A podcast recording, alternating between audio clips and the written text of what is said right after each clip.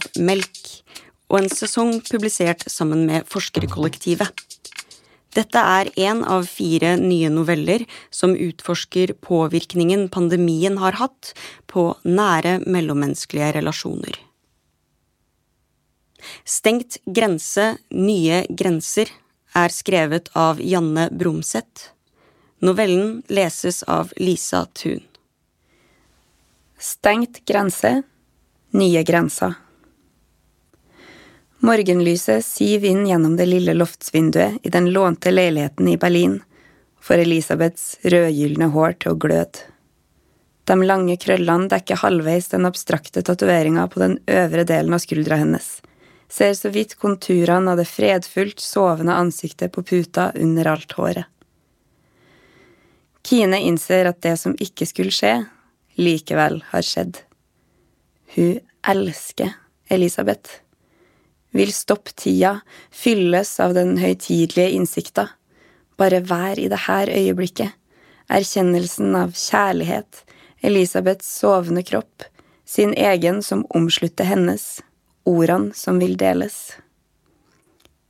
Hviske forsiktig mot den myke halsen hennes for ikke å vekke hun. Jeg elsker deg. Men hun våkner likevel vrir seg halvveis mot Kine med smale, nyvåkne øyne og smiler. Jeg elsker deg også. Kysser hverandre intenst, tilbringer hele dagen i senga, kan ikke slutte å elske. Det er galskap. En one night stand på en konferanse i Wien, begge med nylig avslutta lange forhold, har blitt til et kjærlighetsmonster. De møtes på konferanser, helgeturer på ulike steder i Europa, Kine sulten på eventyr, sex og egen tid etter mange år i et dødt ekteskap og bundet småbarnsliv. I stedet for å legge ut på reisen for å finne seg sjøl i en ny og usikker tilværelse, har hun funnet Elisabeth som bor i London, er 17 år yngre og aldri vil ha barn. Kjærlighetsmonsteret drar hun under overflata, drukner hun i deilig, skremmende kjærlighetskaos med en voldsom kraft lar seg flyte med som en liten viljeløs manet som drives med strømmen. Kine-maneten som får ny retning med Elisabeth. Venterom. Det hadde vært en fornuftig plan, hadde Kine og Gry kommet frem til. Å bo sammen ut skoleåret før de flytta fra hverandre, så barna slapp å flytte mer enn én gang. Det skulle de klare. De ville jo allikevel ikke se hverandre noe særlig, siden de begge hadde nye kjærester som bodde i utlandet. Ikke lenge etter at de bestemte seg for å separere, hadde Kine truffet Elisabeth, og Gry hadde funnet en ny i København og begynt å pendle. Den ene kofferten på vei ut når den andre kom tilbake. En rask overlapp med praktiske beskjeder. Et tett, sammenvevd samliv, der seng og hverdag var delt, hadde sakte reorganisert seg. Frokoster, middager der det alltid satt fire ved bordet, dekka til tre. Mamma Gry er i København, er på trening, er hos en venn. Mammaen som alltid var der, men sjeldnere og sjeldnere samtidig. Kine laga alltid litt for mye mat. Din uke, min uke. De hadde satt det i system. Det separerte livet, men i samme hjem. Regna ikke med nærværet av den andre delt ansvar for handling og regler for husarbeid for den som ikke hadde sin uke. Verst var det å være hjemme i Gry sin uke, de dagene hun ikke var i London. Være gjest i sitt eget hjem. Være forelder, til stede, men ikke ansvarlig. Hør på tysk morgenradio og ikke legge seg opp i hvordan ting ble gjort. Gjør alt det her forståelig for Vilde og Vetle, som ikke kunne se de usynlige separasjonsreglene hvorfor det ble krangel på morgenen om Kine ville blande seg opp i hvor mange lag klær de skulle ha når det var Grys leveringsdager. Leiligheten, for hun, et dødt venterom i påvente av muligheten til et fritt liv der hun kunne bestemme alt sjøl. Rom som skulle holdes ved like, men aldri forbedres, males, lag nye, smarte system for lekene på stua som stadig fløyt over i kaos. Hennes venterom, barnas elskede hjem. Nye kjærester som ikke kunne være med hjem uten å havne i en havarert families mosaikk av nødsystem for sosialt liv. Klassekameraters foreldre anstrengte seg for å virke uberørt om de fikk innblikk i hva som befant seg under overflata til det tilsynelatende hyggelige og velfungerende foreldreparet. Samboende likekjønnspar med nye kjærester i utlandet. Hun kunne på en god dag more seg over å sjokkere de veletablerte heteroparene, se det flakkende blikket når de prøvde å finne ut for seg sjøl hvordan familien deres egentlig hang sammen. På en dårlig dag så hun seg sjøl med deres blikk, ubegripelig, uansvarlig forelder. Ikke bare heteroparene, men også den streite, lesbiske vennefamilien kunne nesten ikke relatere seg til dem lenger. Ja, jeg skjønner ikke hvordan dere får det til, Altså, Det er jo én ting å klare å bo sammen når en er separert, men nye kjærester?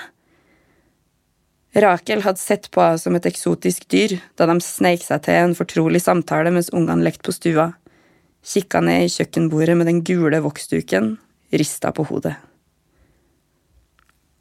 De ble høfligere mot hverandre, hun og Gry, slutta å være naken på badet samtidig, Spurt om å få låne den andres ting, ikke ta det som en selvfølge. Konturer av to nye autonome voksenliv som stadig ble tydeligere.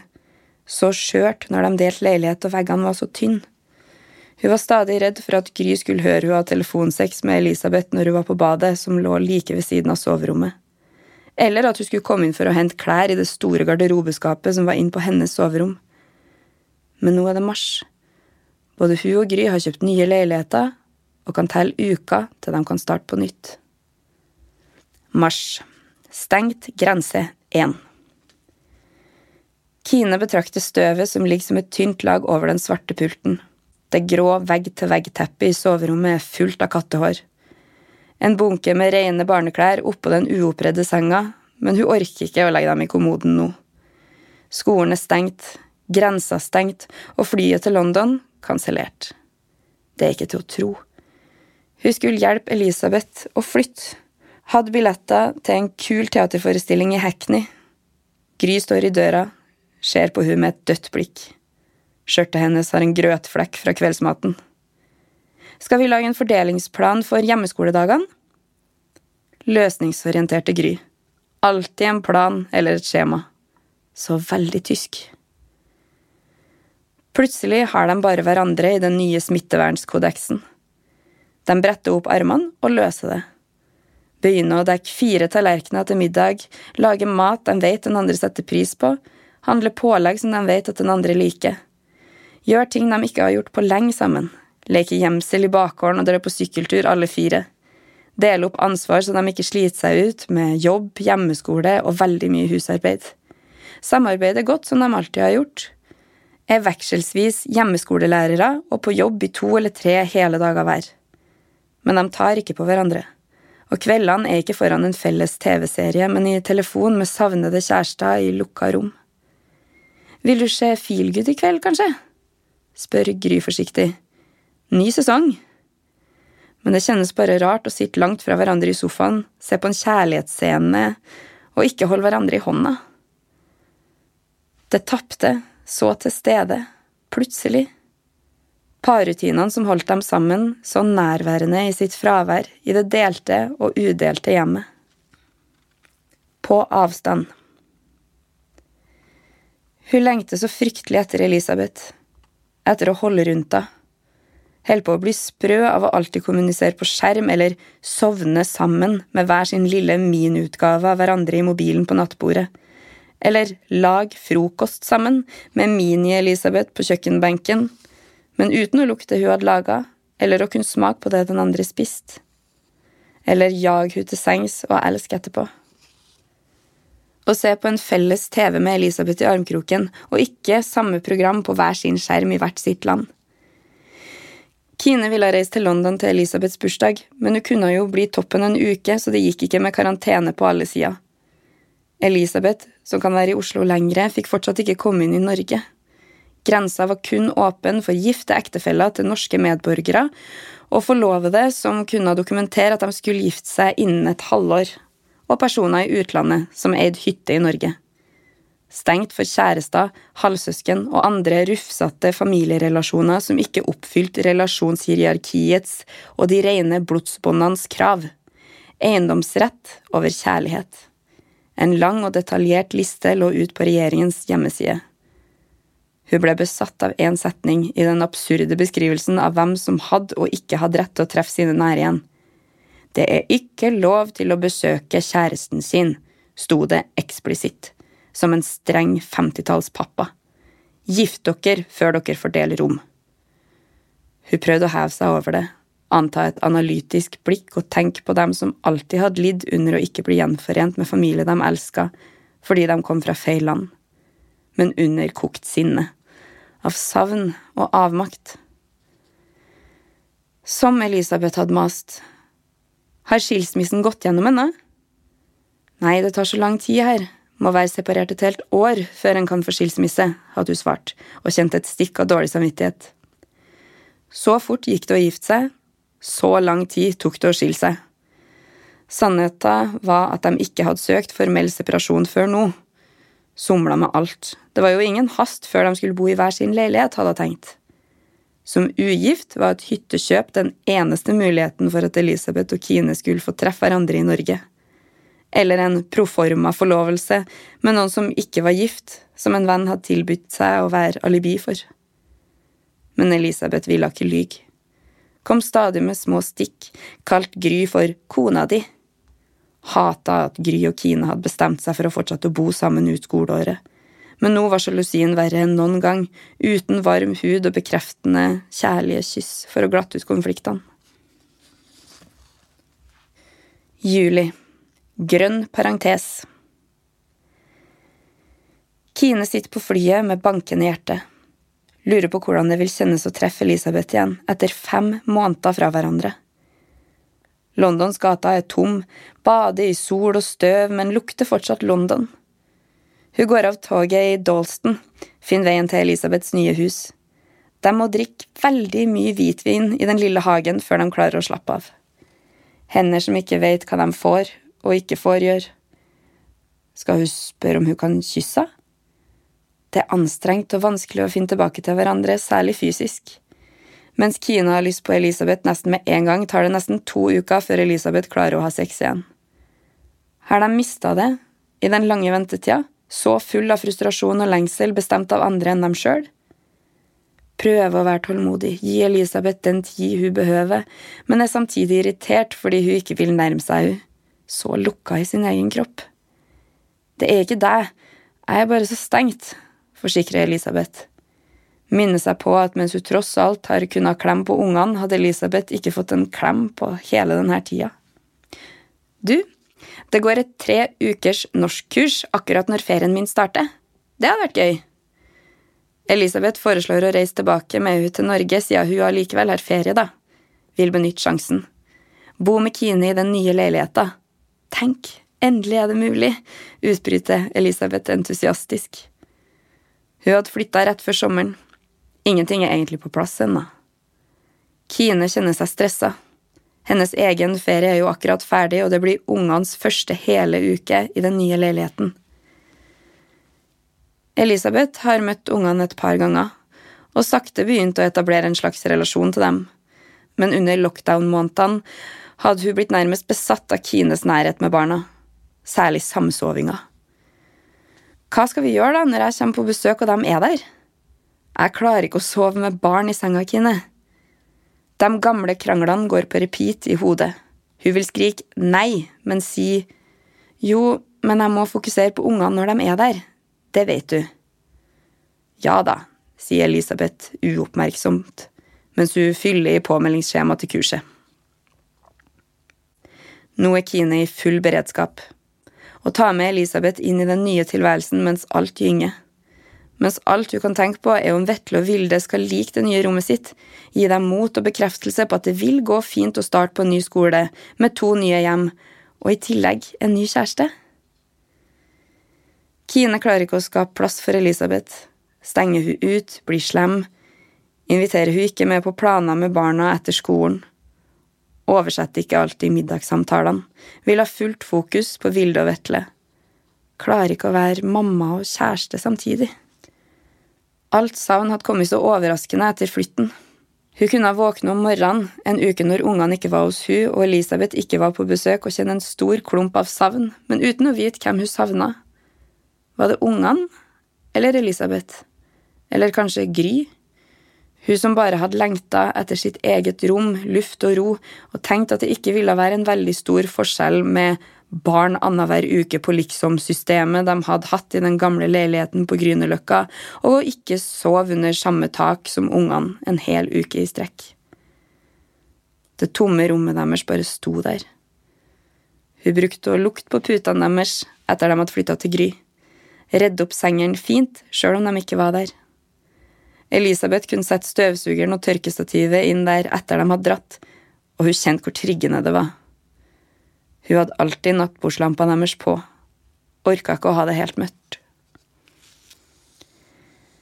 Den første uka Elisabeth hadde vært der, hadde de laga fredagskos, med potetgull, vin og en serie. Som hun hadde drømt om det. Bare dem to, hjem i hennes leilighet.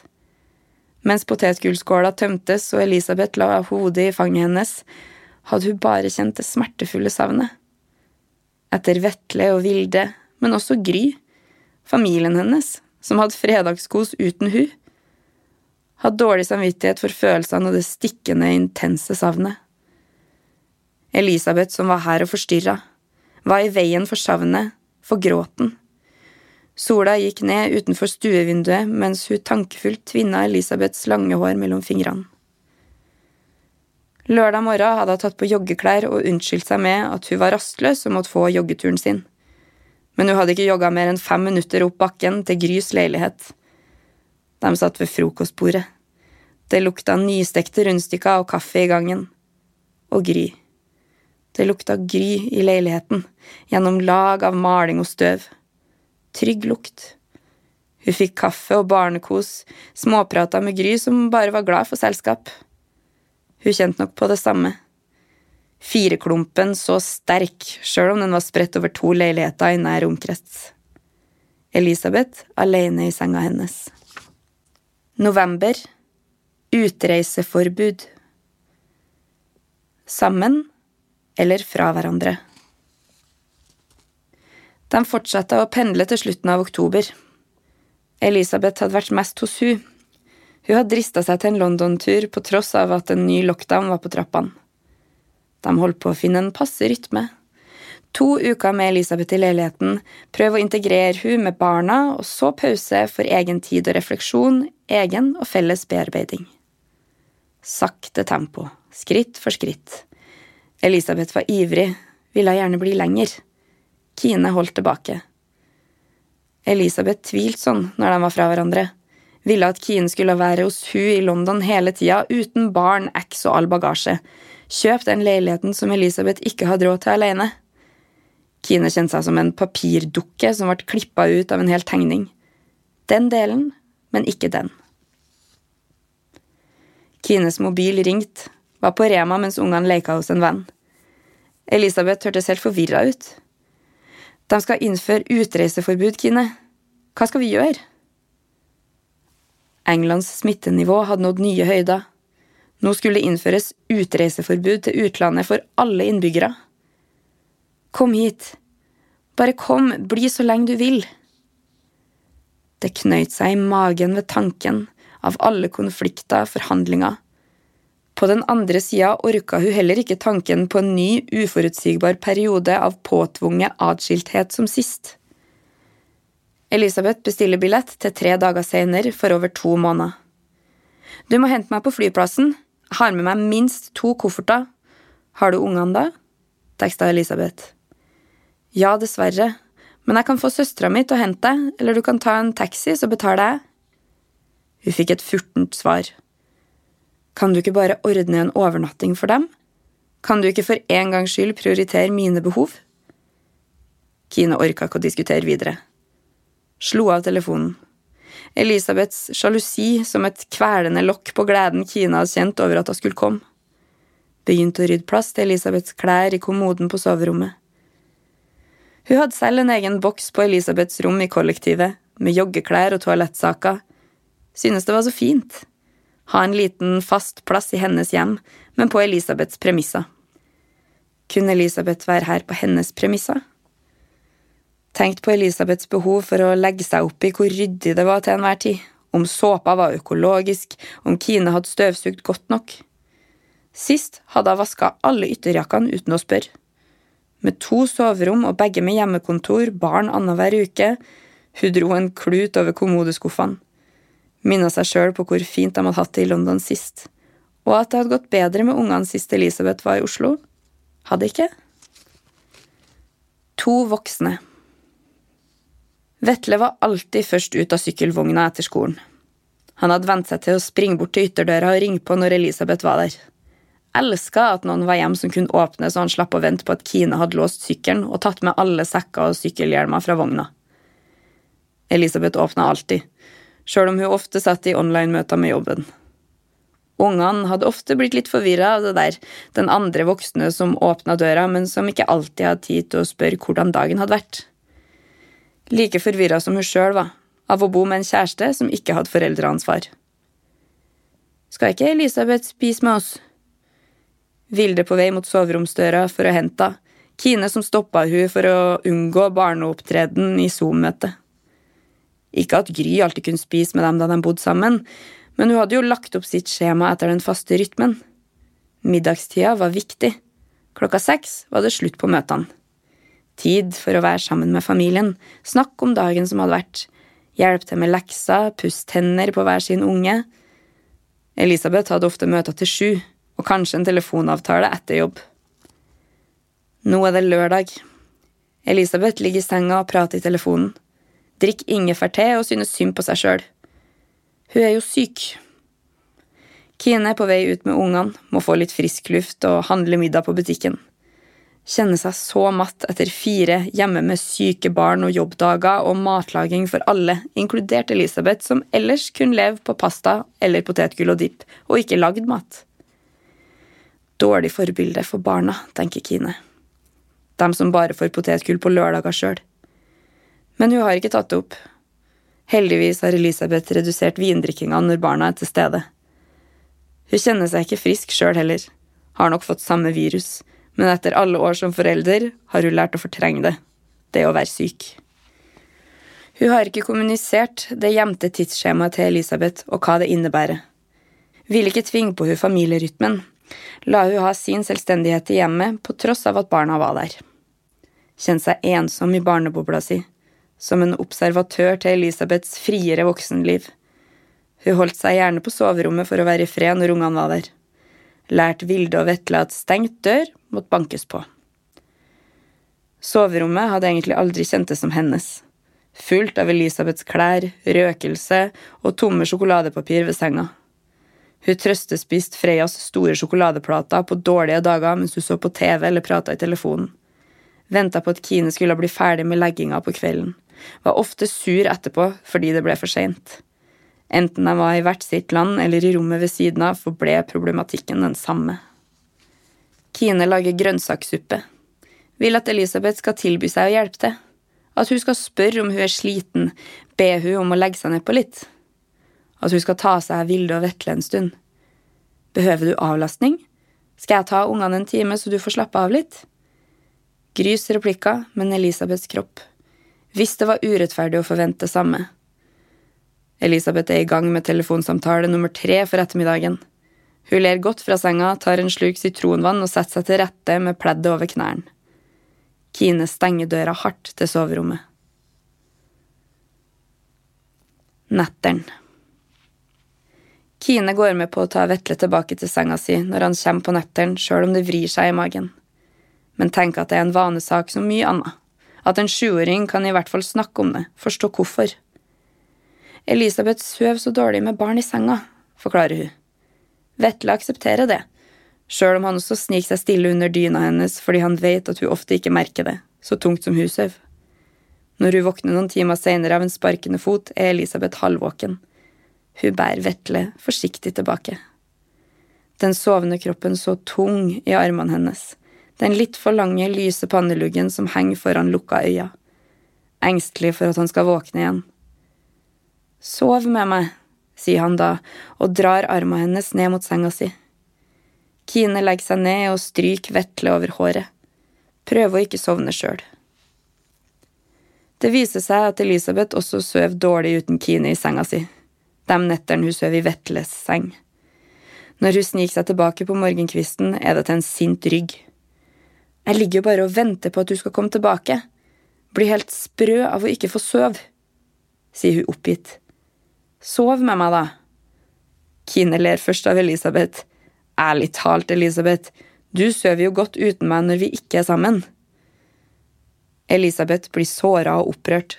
Er ikke hennes behov viktig, kanskje? Vil ha Kine hele natta. Alle vil ha Kine om natta. Hun sovner oftere i Vetles seng etter å ha fulgt han tilbake. Har ikke lyst til å gå tilbake til Elisabeth.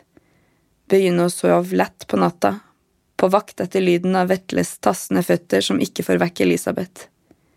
På gode dager anstrenger hun seg for å komme tilbake til soverommet og Elisabeths varme kropp.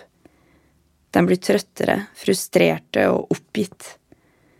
Kine kjenner at uansett hvor mye hun anstrenger seg, er det ikke bra nok for Elisabeth. Advent. Hun begynner å få vondt i magen. Må spise syrenøytraliserende for å holde det i sjakk. Magen. Hennes klassiske stressbarometer. Den anstrengte situasjonen med Elisabeth gjør at hun ikke greier å slappe av hjem. Den anstrengte situasjonen med desember som nærmer seg, gjør ikke saken noe bedre. Desember måned med barn er ingen spøk. Riktignok har koronapandemien lagt en stor demper på nissefrokost og foreldretreff med klassen, men uten sosiale hendelser eller førjulsbesøk hos foreldrene i Namsos som har isolert seg helt av smittefrykt, er presset desto større. Vilde har allerede spurt i flere uker om hvordan jula kommer til å bli, og hvem de skal feire med. Skjønner at besteforeldrene ikke kan treffe dem, men glemmer det også ofte, og snakker om jul som om den skal feires på gården i Namsos, der de oftest har pleid å være. Om flatbrødbaking med mormor og mandel i grøten. En velsignelse, tross alt at unger så lett kan fortrenge den innestengte unntakstilstanden og dens begrensninger, tenker Kine. Denne jula skulle de imidlertid reise til Tyskland med Gry, men i midten av november blir det tydelig at smittesituasjonen gjør det uaktuelt. Det er folketomt rundt ungene. De som er vant til stadig sosiale påfyll av en trofast fanskare, to par besteforeldre, tanter og onkler i utlandet som de treffer regelmessig. Desto viktigere blir det for Kine at det skal bli en lykkelig jul. Og Gry. Og Elisabeth, som ungene har begynt å knytte seg til men allerede uka før hadde de begynt å snakke om at det kanskje er bedre om Elisabeth reiser hjem til jul når de krangler så mye. Bedre å være fra hverandre enn å gi ungene og seg sjøl en jul med spenninger og konflikter. Kjenne at det nok sikkert skulle ha vært til det beste for alle. Barna har, på den annen side, allerede innstilt seg på noe annet. Det kniper til i magen når hun ser på kjøleskapet der Vildes hjemmelaga kort henger som hun overrakte i går. Til mamma mamma og Elisabeth, står det utapå, inni en tegning av et juletre. Jeg gleder meg til jul. Hilsen Vilde. Vildes kjærlighetserklæring til Elisabeth. Gry har alltid vært imot den norske 24-pakkers kalendertradisjonen. Det er altfor mye. Jeg orker ikke det maset der, proklamerte hun hver gang Kine foreslo det. Det var allerede altfor mye norsk advent og jul, med alle sine uskrevne regler for når en stjerne skulle henges opp og hvilken farge adventslysene skulle ha. Nå kan Kine endelig bestemme sjøl om hun vil ta livet av seg med å forberede 48 pakker til ungene. Det vil hun. Den dårlige samvittigheten for skilsmissa og en ny kjæreste som praktisk talt har flytta rett inn, gjør at hun vil overøse dem med altfor mye for å veie opp. Elisabeth synes også det er stas med kalender med 24 pakker. Alle eksene hennes har jo gitt hun adventskalender, påpeker hun litt småfornærma en dag da Kine kommer hjem fra kjøpesenteret i nabolaget med poser full av unyttig stæsj i miniformat. Hun har prøvd å kjøpe praktiske ting, og ikke for mye plast, som hun vet Elisabeth vil kritisere henne for, men da blir det til gjengjeld fort dyrt. Er det til barna? spør hun og vil se oppi posene. Kine stopper hun Later som at det er overraskelser til Elisabeth i posene også. Det er det ikke. Bare et par dumme julestrømper med reinsdyrmotiv. Som om hun ikke har nok å tenke på. 24 gaver til Elisabeth også. Det blir 72 smågaver. Hun får i hvert fall kjøpe noe til adventsmorgenen. Ungene velger et julediadem til hun på Nille, med en misteltein som vaier på toppen. Tenk at Elisabeth kommer til å hate den, sjøl om den er valgt med små barns kjærlighet og entusiasme. Sjokolade i senga. Du kunne vel bare sagt at de skulle være litt forsiktige med sjokoladen i senga vår, og at de i det minste kan plukke opp papiret etter seg. Elisabeths sure ansikt mens hun børster sjokoladesmula bort fra lakenene med irriterte bevegelser. Kine ser overraska på Elisabeth. Gleden hun nettopp kjente over en felles kosestund med adventskalender i dobbeltsenga, er som blåst bort. Hadde ikke Elisabeth også synes det var koselig at ungene kom inn til dem med innholdet i den første kalenderpakka? Hun blir kald og hard. Kan du ikke bare dele gleden deres? Du har faen ikke evne til å se glede hvor enn den er, slenger hun ut og marsjerer mot badet. Den innestengte frustrasjonen får henne til å banne høyt i dusjen. Hun vil skrike til Elisabeth, dunke neven i veggen, dra i gang en skikkelig krangel, men stille. Stille. Barna er jo her. De kan ikke krangle nå. De har overhørt nok krangler de siste årene. Kan dere gå på rommet litt? Mamma, Gry og jeg må bare prate ut om noe. Nei da, det er ikke farlig, voksne er bare uenige av og til. Ikke skal de behøve å ha en ny runde med mamma Kine og den nye kjæresten hennes. Hun vil ikke snakke med Elisabeth, vil ikke se på hun, snike seg rundt i den lille treromsleiligheta for å unngå å være i samme rom. Elisabeth klær på seg, gjør seg klar til å gå ut. Jeg tar en søndagstur. Vi kan vel prate når jeg er tilbake? Hun ser oppgitt på. Ja, gjør det. Ha det hyggelig, da. Ser Elisabeths boblejakke forsvinne ned trappeoppgangen. Kan ikke vente med å lukke døra bak henne så hun kan puste ut igjen. I leiligheten hennes. Et eget rom som hun har drømt om så lenge. Som har blitt kvelende før hun har rukket å funnet ro full av Elisabeths krav og behov, for mange jakker i gangen, sjokoladesmuler i senga, barn som forstyrrer søvnen og som glemmer å vaske hendene når de har vært på do. Kine tar med ungene ut til fotballbanen på skolen. De spiller fotball med Gry, har det gøy. Firerbanden finner tonen igjen. To på hvert lag, som det skal være. Ungene skriker når Gry går hjem til seg, og dem hjem til hun. Vil at de skal bo sammen igjen. Hun hører hvordan det plinger til i mobilen til Elisabeths tekstmeldinger mens hun bærer en gråtende Vilde ned den grusbelagte gangveien som skiller hennes og Grys nye blokkleiligheter. Elisabeth sender bilder fra kampen. Hvor koselig det er der. Tenk om de kunne ha bodd der i stedet. Elisabeth har begynt å sende hun leilighetsannonser fra sentrumsnære bydeler på østsida. Vi må ha en visjon, Kine. Jeg vil ikke bo her, og jeg vil også være med på å bestemme om vi skal ha en framtid sammen. Har jeg ikke ofra nok som det er, kanskje? Kina har bedt henne om å slutte. Hun har jo akkurat flytta. Sjøl om hun har bestemt seg 110% for å omfavne livet i forstaden, kjenner hun hvordan Elisabeths misfornøyde blikk blander seg med hennes, gjør savnet etter det som hun elsker med å bo i byen, vanskelig å fortrenge. Ingen på kurset mitt veit hvor Bøler er kjenner seg mislykka fordi hun ikke har en godt nok betalt jobb som de kunne fortsette å bo i byen. Ber Elisabeth respektere at hun må få land i det som er, så får de se. Og hva med Vilde og Vetles behov, tenker du på dem i det hele tatt? Men Elisabeth er 32. Hun vil etablere sitt første ordentlige hjem, velge vakre møbler og dekorere og bo i en del av byen som andre synes er kul. Kina har gjort alt det der, to ganger allerede vært ørt og 40 ganger på Ikea og kjenner seg sliten bare ved tanken på å flytte igjen.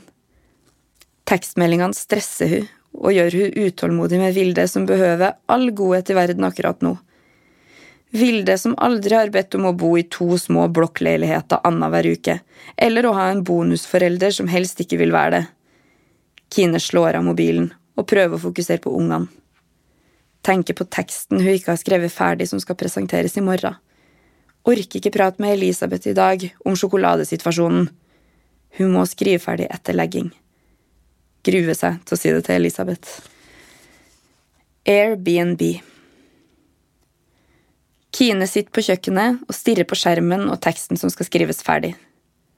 Prøver å konsentrere seg i det grelle lyset fra taklampa. Hører at Elisabeth går til stua, men kan ikke tenke på det nå. Det suser i ørene. Sinnet som eksploderte i soverommet for fem minutter siden, har blitt til en isende kulde. De skulle ikke snakke om det som hadde skjedd, hadde blitt enige om å vente til dagen etter.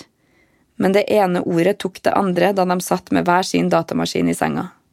Elisabeth med en dårlig serie, Kine med teksten sin. Det er vel bra at jeg reiser til vennene mine i Sveits til jul, da. Her kan jeg jo ikke være når du ikke tar behovene mine på alvor, var det siste Elisabeth sa da Kine var på vei til kjøkkenet med datamaskina, da de allikevel hadde begynt å diskutere.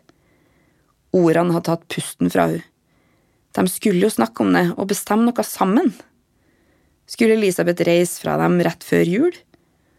Om det er sånn det kan være, kan du bare pakke tingene dine og dra i morgen. Jeg blir kvalm av å se deg, hadde hun svart med kald stemme. Det synker inn. Hun har kasta ut Elisabeth, vært så slem hun ikke trodde at hun kunne være i stand til. Å herregud, hva har hun gjort? Lukker maskina, går forsiktig inn på stua. Elisabeth ser liten ut der hun ligger på sofaen, har fortsatt klærne på under dyna, stirrer på mobilen sjøl om hun hører at Kine kommer. Unnskyld, sier hun. Unnskyld, Elisabeth, jeg ble så paff og så lei meg, vær så snill, ikke dra. Elisabeth ser opp på hun med forgråtte øyne. Det er for seint. Nå har jeg bestilt billett til den 17. og booka en Airbnb til i morgen. Det viser seg at Elisabeth ikke hadde bestemt seg for å dra, egentlig. Hun bare sa det, av frustrasjon over sjokoladeepisoden og at hun ikke kjenner seg sett, hørt på. Kine trygler hun om å ikke flytte ut. Tør ikke gi hun en klem, nærme seg, vet ikke helt hvor hun skal gjøre av seg. Hun sier at hun er syk på jobben og legger seg alene. Håper at Elisabeth skal komme etter. Det gjør hun ikke. I stedet sover Kine dårlig og våkner av angst med jevne mellomrom. Hun vet ikke hvordan hun skal klare mandagsmorgenen med ungene. Husker så vidt å legge neste kalenderpakke i kalenderen før de våkner. Elisabeth går samtidig som dem. Hun skal til norskkurset sitt. Kine ser at hun pakker toalettveska si og ekstra klær i en tøyveske før hun går. Du behøver ikke dra til Airbnb-en, hvisker hun i døra når hun er på vei ut. Vær så snill å komme hjem om du ombestemmer deg, nærmest trygler hun. Elisabeth kommer ikke tilbake. Kine sykler hjem fra jobb, griner seg oppover bakkene. Ingen å komme hjem til. Ungene har flytta til Gry, Elisabeth borte, tanken på jula, hva skal hun si til Vilde og Vetle når de kommer neste uke? Vildes håpefulle kort om hva hun gleder seg til. Det er hennes feil. Hun som kasta ut Elisabeth. Elisabeth som knapt kjenner noen i byen. Som har kommet hit for å være med hun. Selvhatet skyller over hun. Hun tekster litt med Elisabeth. Rommet hun har leid, er trist og hun skal bo hos en venn fra språkkurset dagen etter. Men nå vil hun være i fred. Kine klarer ikke å konsentrere seg på jobb.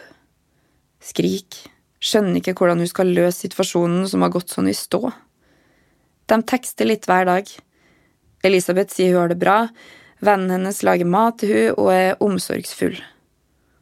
Omsorg som Kine ikke får gi, ikke kan være den som gir, som har kasta ut kjæresten sin. Hun prøver å sette pris på å ha leiligheten for seg sjøl, uten press eller krav fra noen. Men hun kan ikke engang se sitt eget speilbilde på badet. Should I stay or should I go? En uke før julaften prøver Elisabeth å reise hjem til London. Har billett seint fredag kveld. På ettermiddagen har hun ennå ikke begynt å pakke. Blir så seint når jeg kommer fram. Det er jo lockdown i London, hvordan skal jeg komme meg hjem? Hun bestiller en ny billett til dagen etter, lørdag ettermiddag. Den siste uka har Elisabeth bodd hos vennen sin, kommet tilbake til Bøler og dratt videre til en annen Airbnb noen dager, kommet tilbake igjen. De intense følelsene av fortvilelse og frustrasjon bare forsterker personen, begjæret, har hatt mer sex de siste ukene enn hele høsten til sammen. Lørdag morgen våkner de tidlig, ligger naken i senga, held hardt rundt hverandre. Kine stryker Elisabeth på ryggen. Den myke huden hennes, den korte, faste korsryggen, de fyldige hoftene. Kjenne hver eneste kvadratcentimeter på kroppen hennes. Elske å kjenne denne kroppen så godt. Kline med smaken av salte tårer i munnen og elske intenst. De elsker hverandre, men de får det ikke til. Elisabeth vil ikke reise, men hun må, sier hun. Hun må for å redde seg sjøl. Den indre stemmen hennes har blitt bort. Hun er lost i lockdown i et fremmed land uten venner, i en samboerrelasjon i krise. Vil, vil ikke, vil, vil ikke. Hva skal hun gjøre? Skal hun reise eller ikke? Hun begynner å pakke litt, men kommer tilbake til senga der Kine ligger i fosterstilling og skriker høyt og fortvila. Kine vil ikke bli reist fra, sjøl om det også skulle være en lettelse. Vil, vil ikke. Begge vet at om Elisabeth reiser nå, er det tvilsomt om de ser hverandre igjen på lenge, med alle restriksjoner. De engelske reiserestriksjonene gjelder fortsatt. Ennå er ikke den norske grensa stengt igjen, men det ligger i lufta. Det kan gå måneder til de ses igjen. Alt er så uforutsigbart. Klokka nærmer seg ett. Halv to må hun være på T-banen for å komme i tid til flyet. Fortsatt har Elisabeth bare pakka toalettsaker og datamaskinen i en tøyveske. Kine vil be hun om å bli, men hun tør ikke. Kan bare vente på Elisabeth som skal bestemme seg for hva som er bra for hun, fanga i Elisabeths paralyserte vakuum av ikke-bestemmelse. Plutselig bestemmer hun seg, tar på seg sko og den røde kåpa hun kjøpte på Fretex for noen dager siden. Nå må jeg dra. Her er nøklene mine. Se, den fine nøkkelringen som jeg kjøpte deg i New York. Hun prøver å være munter, legger nøklene på kommoden i gangen og gir Kine en siste klem før hun springer ned trappa. Kine står hulkende igjen. Jeg hater det, tekster hun på mobilen. Ikke si det, svarer Elisabeth. Hun sender flere meldinger fra T-banen. Jeg veit ikke om jeg greier det. Jeg har gått av banen på Grønland, veit ikke hva jeg skal gjøre. Kine, jeg bare skriker og veit ikke hvor jeg skal gå. Kine vet ikke hva hun skal si.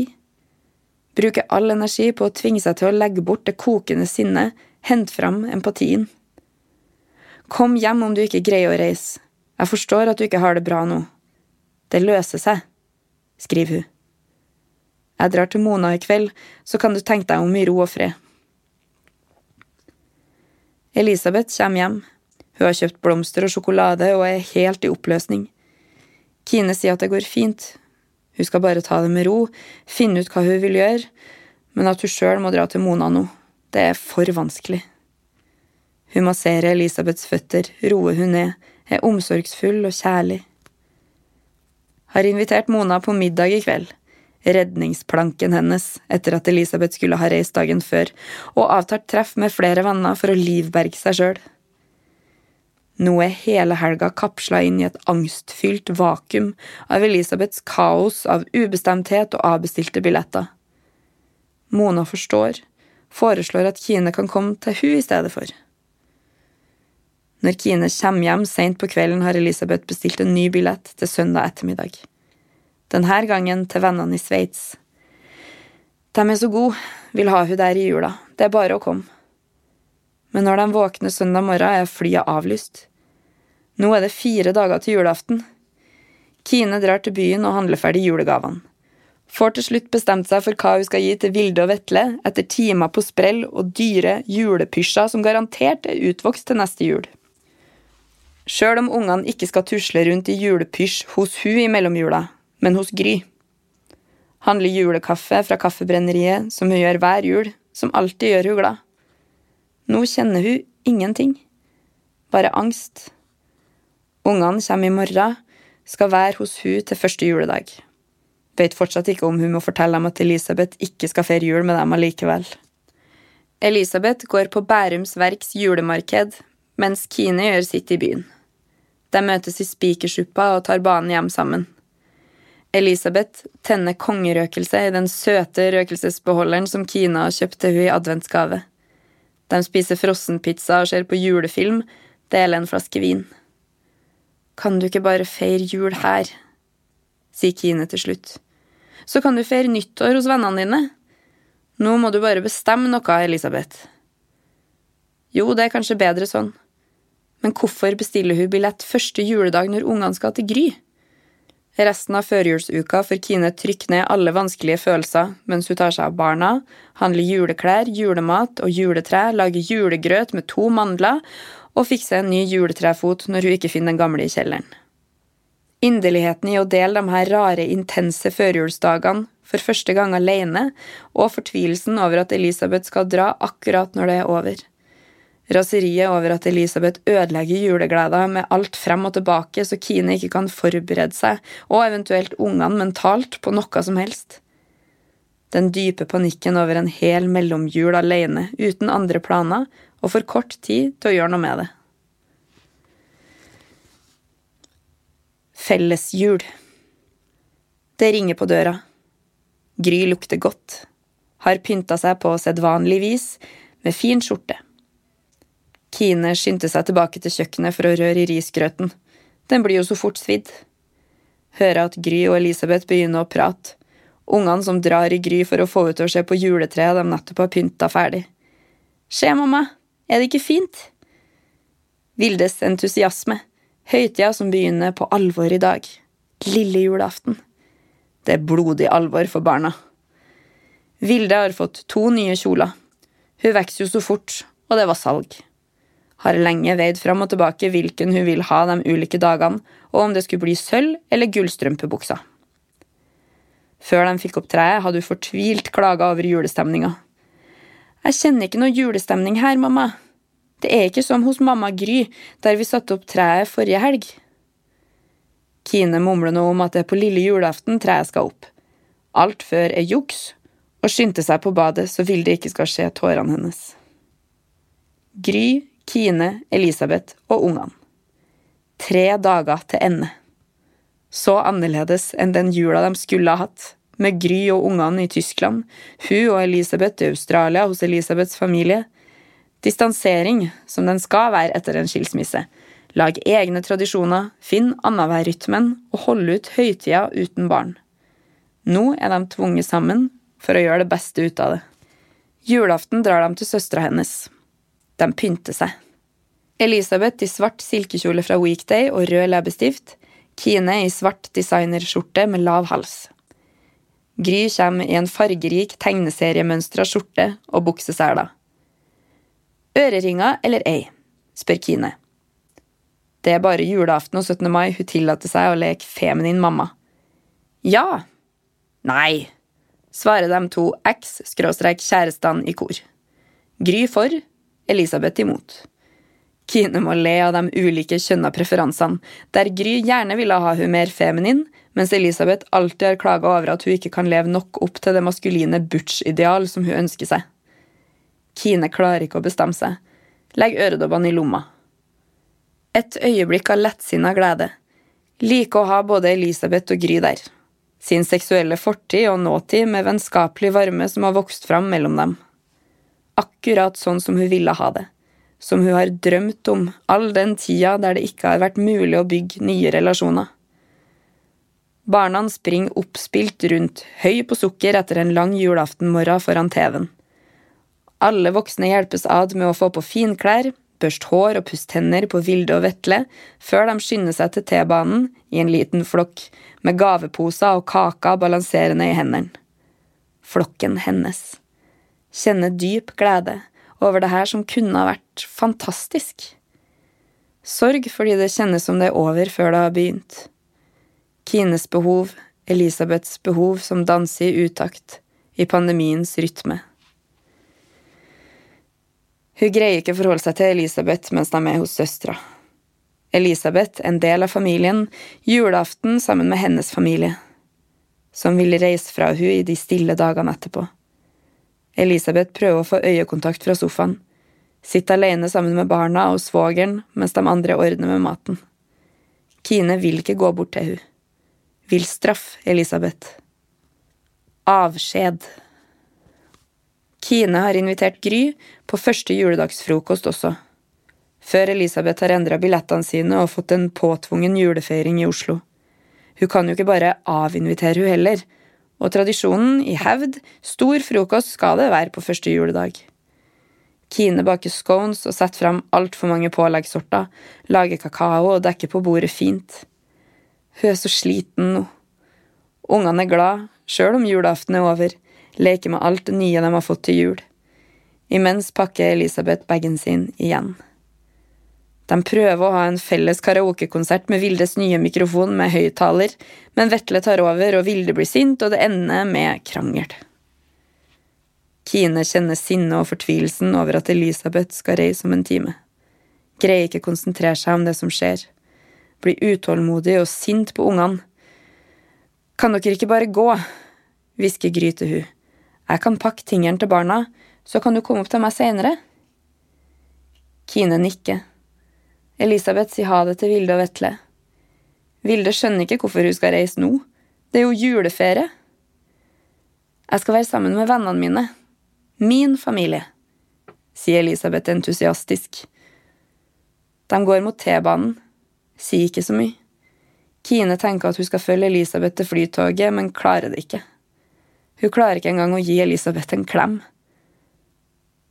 God tur, da, sier hun. Vær forsiktig. Så drar hun.